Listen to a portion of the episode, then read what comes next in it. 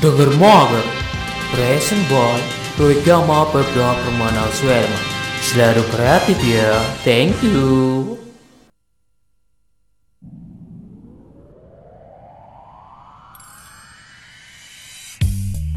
Dengar mager. Cerita-cerita tentang yang lagi rame di jagat dunia maya. Asik-asik, suka-suka, bawel-rewel, itu biasa. Selalu ada pembahasan menarik di balik seseorang yang hari-harinya penuh dengan rebahan. Ngomongin tentang Twitter nih. Media sosial yang kembali eksis dan digandrungi kembali oleh para kaula muda. Banyak public figure ataupun influencer yang kembali turun gunung dan menggunakan akun Twitternya.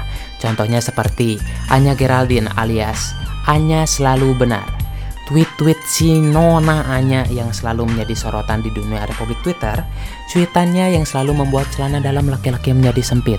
Ahai, dan direkomendasikan untuk mengganti celana dalam yang agak besar jika sewaktu-waktu kalian pengen memasuki beranda Twitter si Nona Anya tersebut.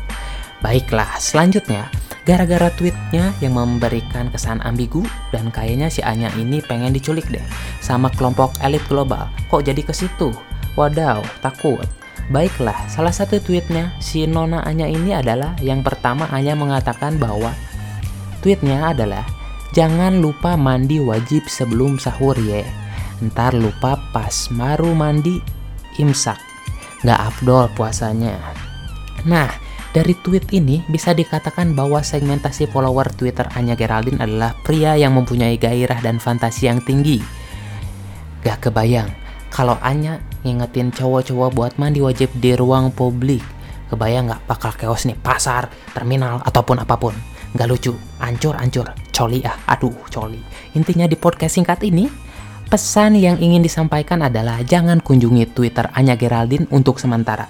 Karena pada hakikatnya, di bulan suci Ramadan ini, seorang pria harus dijauhkan dengan bahan seperti body lotion, sabun mandi, entah itu cair atau padat, tapi lebih baik cair biar sentuhannya lebih magis. Dan semoga hari ini menjadi hari yang baik untuk semua orang yang dengerin podcast. Aduh, gitu doang sih sebenarnya. Dengar magar, udahan dulu ya. Thank you, buddies.